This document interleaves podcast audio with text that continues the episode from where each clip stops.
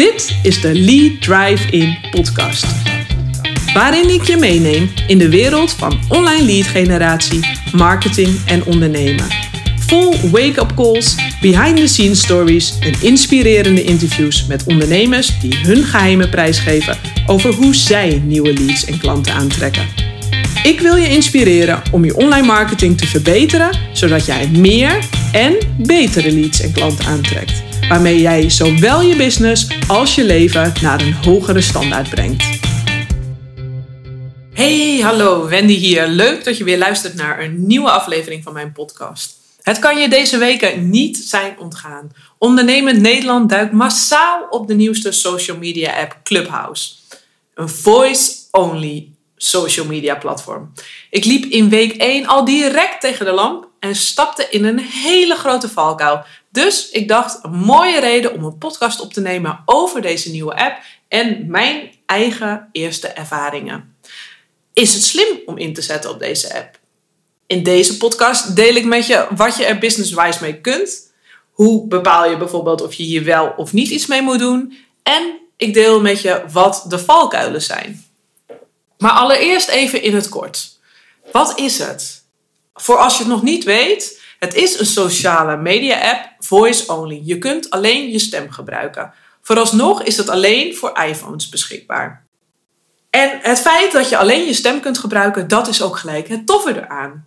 Want waar je ook bent, je kunt even intunen. Je hoeft niet in de make-up en je hoeft ook, weet je, als je een bad hair day hebt, dan kun je ook als ondernemer gewoon acte de présence geven. Dan kun je er ook gewoon op. Dus Onderuit gezakt op de bank kun jij gewoon op social media uh, ja, je presence geven. Je kunt eigen events aanmaken waar allerlei mensen openbaar naartoe kunnen. En jij bepaalt dan wie er wanneer mag spreken. Ook kun je meer private rooms maken waar je alleen op uh, invite only in kunt. Om zo bijvoorbeeld over bepaalde onderwerpen te praten. Het is een vrij intieme setting omdat je alleen iemand zijn stem hoort. En het is dus een invite only app. En krijg alsjeblieft nu niet het gevoel van fear of missing out. Oftewel het gevoel hè, van ik uh, moet daar nu ook op. Want iedereen zit daarop.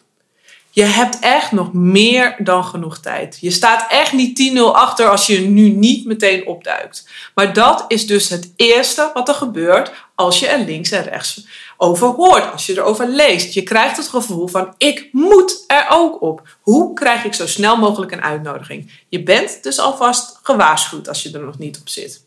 Maar don't worry at all. Want je hebt dus echt meer dan genoeg tijd om het platform te ontdekken. Alleen de early adapters zitten er nu net op. Zie het als het uitkomen van de eerste of nieuwste iPhone? Een aantal mensen craven echt om die direct bij de lancering te hebben. Maar daar maak je je waarschijnlijk ook totaal niet druk om als je niet de eerste bent. Er gebeurt dan helemaal niks met jou. En dat geldt ook hier voor Clubhouse. En als online marketing pionier had ik al heel snel een invite te pakken om een kijkje te nemen. Nou, dat doe ik dan ook, want een aantal van mijn mentorklanten die opereren in de voorhoede van de markt. En daarom wil ik altijd snel bij de nieuwste trends en ontwikkelingen zijn, zodat ik hen goed kan adviseren. Dus hoppa, ik ging op Clubhouse. En als jou nu iets bekruidt van shit, ik heb helemaal geen uitnodiging gehad. Of ik kreeg hem pas veel later voel je alsjeblieft niet slecht als je nu geen uitnodiging hebt gehad of daar nog niks mee hebt gedaan. Als je een account aanmaakt, dan word je binnen een mum van tijd door iemand uit je telefonische contacten uitgenodigd. Het is namelijk een sociale media app en voor de makers dus uiteindelijk ook een spel van zoveel mogelijk gebruikers, oftewel data verzamelen. Des te meer data voor de makers, des te meer waarde voor het bedrijf. En ze snappen ontzettend goed de menselijke psychologie en lanceren dus op deze wijze met een enorme bus hun app. Het is echt een fantastische lanceerstrategie. Laat je erdoor inspireren. Maar ik knalde dus week 1 al direct tegen de lamp en viel in valkuilen waar ik nou net blij van was dat ik ze gepasseerd was. Ik moest echt even terug naar start. Wat er precies gebeurde, deel ik, deel ik zo met je. Oké, ik ging er dus in op een zondagmiddag. Het eerste half uur ben je echt even aan het zoeken van hoe werkt dit in godsnaam. Ik vind dat super leuk, die ontdekkingstocht. Want het is net alsof je zeg maar, de eerste dag op je vakantieadres bent. Hè. Dan moet je je ook even oriënteren. Dan denk je, nou, waar is wat allemaal? En dan ga je even een rondje lopen om even die oriëntatie te krijgen. En je moet ook gewoon even wennen aan een nieuwe omgeving. Hè? Je moet ook gewoon letterlijk jezelf even daar de tijd voor geven. Nou, ik belandde in een eerste room met twee bekenden en één onbekende. En het was heel relaxed, even gekletst en toen weer klaar. Nou, dat was voor mij voor dag één wel even genoeg.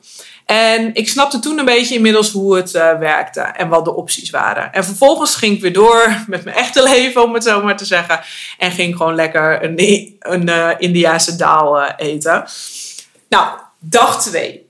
Ik kreeg vanaf de ochtend al allemaal pushmeldingen binnen op mijn telefoon. De notificaties voor de events in Clubhouse, die had ik aangezet. Want ik dacht, dan ben ik op tijd en kan ik vanaf de start direct meepraten in een event. In plaats van dat ik er halverwege binnen drop. En daar gleed ik dus al in de eerste valkuil.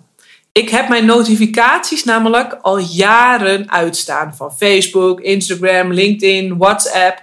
Echt heerlijk. Niks popt er up, zeg maar, op mijn telefoon.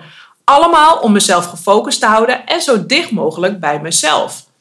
Om mijn leven in te richten op hoe ik het wil. En niet op basis van wat iemand op sociale media op dat moment even wil. En dat helpt mij enorm om mijn werk overdag gedaan te krijgen en veel minder tijd te besteden aan doelloos scrollen door sociale media. Want dat brengt je leven uiteindelijk niet verder. Maar ja, Clubhouse, die kregen dus gewoon voor elkaar dat ik die meldingen wel aanliet. Want dan krijg je een uitnodiging als er een event live gaat.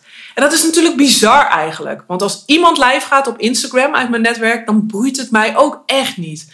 Maar nu in ene weer wel, omdat het een nieuwe app was. Hè? Omdat, omdat het dan Clubhouse is. Maar goed, dag 2 kwam er dus een uh, pop-up van een event. Ik klikte er direct op en zat in een ruimte met uh, ja, allerlei ondernemers. En ik zag dat de moderator uh, mijn microfoon standaard open had gezet. Als een van de drie sprekers. Nou, het gesprek begon zeg maar tussen ons drie. En er kwamen meer en meer mensen bij. Op een gegeven moment waren het volgens mij wel bijna 100. En die konden in eerste instantie niet spreken totdat de moderator besloot om vragen te gaan stellen. Nou, één van de drie waar de microfoon van open stond, was een grote Nederlandse ondernemer. En dat was waarschijnlijk de initiator, maar tot op dit moment weet ik dat niet eens, want ik rolde er echt zo in. En op een gegeven moment veranderde het gesprek in een QA, vooral gericht op de organisator, wat natuurlijk logisch is. En op een gegeven moment merkte ik dat mijn aandacht verslapte ik vond de QA op een gegeven moment niet zo boeiend meer. En bovendien, het was het al, nou volgens mij was het tien uur s avonds. Ik vond het na een uur uh, wel mooi geweest. En ik heb zelf met mijzelf dus de afspraak na kwart voor negen geen werk meer. En dat is heel bewust om rustig af te bouwen, zodat ik goed slaap. Maar ja, ik stond in de bovenkant als een van de drie sprekers in dat gesprek. En ik vond daardoor op dat moment dat ik dus de room niet kon verlaten ja, bizar als ik er nu aan terugdenk. Want ik dacht, ja, wanneer is nu een goed moment om eruit te stappen? En dat dus terwijl ik dat event niet zelf had geïnitieerd. Ik rolde erin en ik belandde in het gesprek. En toch had ik die gedachtes. En daar kom ik dus direct bij valkuil 2. Je gedragen zoals het volgens jou blijkbaar hoort, in plaats van gewoon met één druk op de knop, hup, uit het gesprek stappen. Ook al sta je als een van de sprekers aan. En ik had het echt ook direct na afloop door en stelde mezelf ook echt even de vraag van wat gebeurde hier nu? Als ik daar niet meer wil zijn, dan kan ik daar toch gewoon uit. Dan ga je daar gewoon uit. In het dagelijks leven doe ik dat toch ook. Als ik op een feest kom en ik vind de sfeer verschrikkelijk, dan ga ik toch ook. Kijk, organiseer je nu zelf je eigen feestje, dan is het een ander verhaal. Maar ik kwam hier op een feestje van een ander eigenlijk ook al een soort van ongevraagd binnen. En als ik in real life, zeg maar, als ik dan klaar ben met een feestje, dan ga ik ook naar huis. Want je hebt altijd een keuze. Dus ook in deze app. Nou, uiteindelijk ging ik eruit. Ik ging direct naar bed en ik kon dus niet slapen. Logisch, want ik had vlak ervoor nog naar een blauw scherm lopen staren. En ja, ik had daarmee dus mijn eigen van dit werkt goed voor mij. Die afspraken had ik totaal genegeerd. Ik heb niet voor niks de regel na kwart voor negen geen schermen meer. Dat is omdat ik weet dat ik beter slaap. Nou, die nacht dus niet. Nou ja, wat een nieuwe app dus al niet kan triggeren. Heb je dus geen zin meer? Ga eruit. Bevalt het gesprek je niet? Ga eruit. Het is jouw leven, jouw kostbare tijd.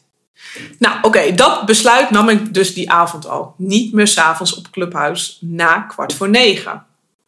De volgende dag, dag drie dat ik op Clubhuis zat, toen kwamen er in de ochtend allemaal pop-up meldingen binnen. Die kwamen nog binnen. En voordat ik het wist, zat ik in ene weer in een online event op Clubhuis, vlak na mijn ontbijt.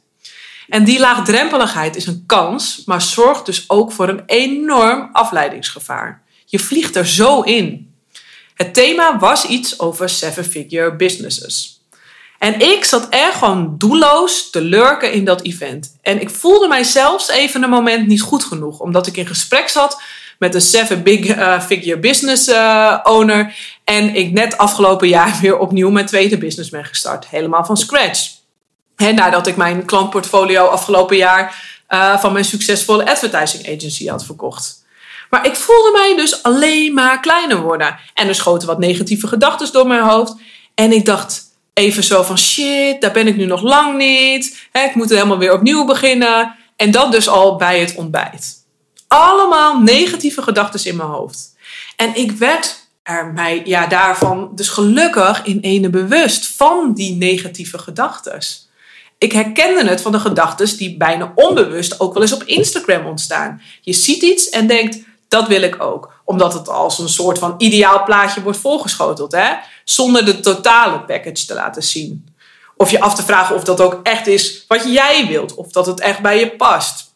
Zoals dingen als leven in tropische orde. Uh, businesses die ogenschijnlijk moeiteloos door het dak lijken te gaan. En de meest perfecte uh, gezinnen, hè, die plaatjes daarvan. Ik vind sociale media echt fantastisch. Begrijp dat niet verkeerd. Want iedereen kan de hele wereld bereiken. Maar dit is wel wat sociale media ook doet met mensen. Als je doelloos zit te lurken. Zo werkt je brein gewoon. Dus ja, ook hier was het weer, hoppa, terug naar mijn eigen grenzen. Want het gaat allemaal om je eigen grenzen. Ik dacht echt, oké, en nu is het klaar. Dit was je onderzoeksfase, Wendy, maar nu weer even terug naar de basis. Je weet nu wat dit is. Nu is het tijd om te bepalen, wat wil je ermee? De eerste vragen die ik mezelf stelde, zit mijn doelgroep hierop? Zie ik een kans voor mijn business om hier nu iets mee te doen? En zo ja, op welke manier? En draagt die manier bij om mijn business verder te laten groeien op een manier die ik leuk vind? En is het dusdanig essentieel dat ik hier actief op ben, dat het het waard is dat het de tijd afsnoept van mijn andere activiteiten in mijn business?